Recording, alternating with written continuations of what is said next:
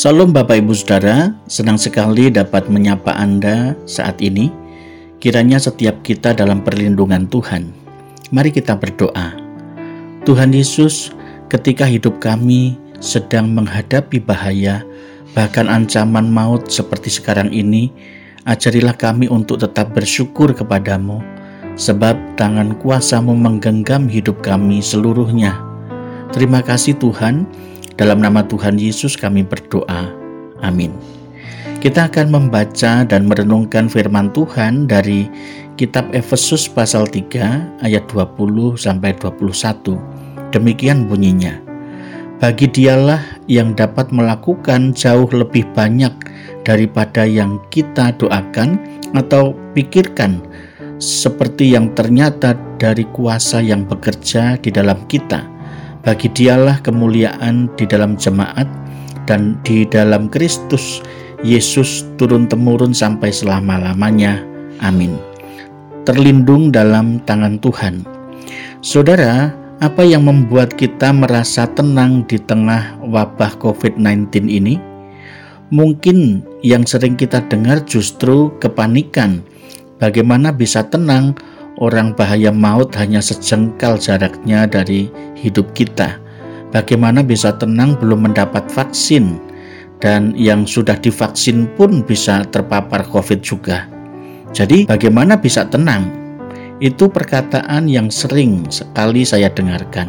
Di satu sisi ada orang-orang yang menyangkali kenyataan bahwa saat ini kita sedang berhadapan dengan virus mematikan Orang-orang ini memprovokasi dengan berkata-kata, "Tidak ada virus, tidak perlu prokes." Semua hanya isu yang dibuat supaya kita menjadi takut dan lain sebagainya propaganda itu. Intinya, orang-orang ini merespon secara pasif dengan menyangkal fakta, membangun isu untuk dipercaya dengan harapan sugesti terjadi dan hal ini sangat merugikan masyarakat kita yang mudah percaya berita hoax. Saudaraku, bagaimana dengan kita sebagai anak Tuhan meresponi situasi ini? Rasul Petrus mengingatkan orang-orang kudus yang menerima suratnya demikian. Kesudahan segala sesuatu sudah dekat. Karena itu, kuasailah dirimu dan jadilah tenang supaya kamu dapat berdoa. 1 Petrus 4 ayat 7. Di dalam dunia ini memang tidak ada suatu tempat yang menjamin dan memberi kepastian perlindungan karena dunia ini telah cemar oleh dosa. Namun demikian situasinya, kita perlu mempercayakan hidup kita kepada Allah, sebab tangan Tuhan yang berkuasa akan menggenggam hidup kita dan di dalam Dia ada kepastian akan keselamatan jiwa kita. Jika Tuhan menghendaki kita luput dari bahaya maut, itu oleh karena anugerahnya. Namun jika kita harus menghadapi COVID-19, itu pun di dalam kendali kuasa tangannya.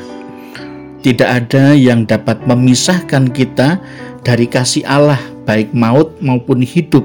Rasul Paulus memberitakannya kepada jemaat Roma, Roma 8 ayat 38. Seburuk apa pun situasi yang sedang kita hadapi, Allah menjamin hidup kita di dalam tangan kuasanya. Lengan Allah yang berkuasa merupakan dasar yang kokoh, tempat orang kudus dengan aman menaruh kepercayaan mereka. Allah yang Maha Kuasa mengukur langit dengan jengkalnya.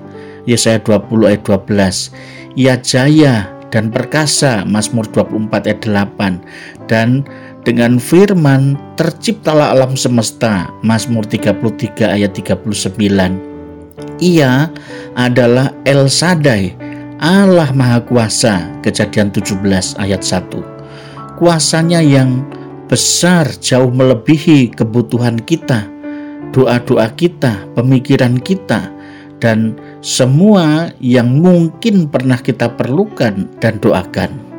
Allah yang demikian itu adalah Bapa kita yang mengasihi kita.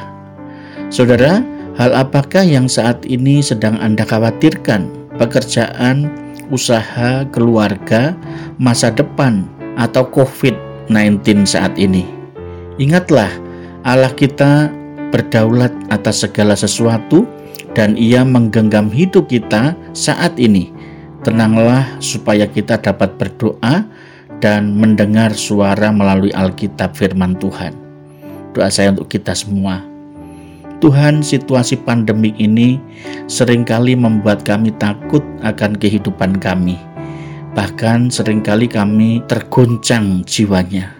Ulurkanlah tanganmu supaya kami tidak tenggelam di dalam keraguan melainkan buatlah kaki iman kami berjejak di atas anugerahmu supaya kami selamat. Dalam nama Tuhan Yesus kami memohon. Amin.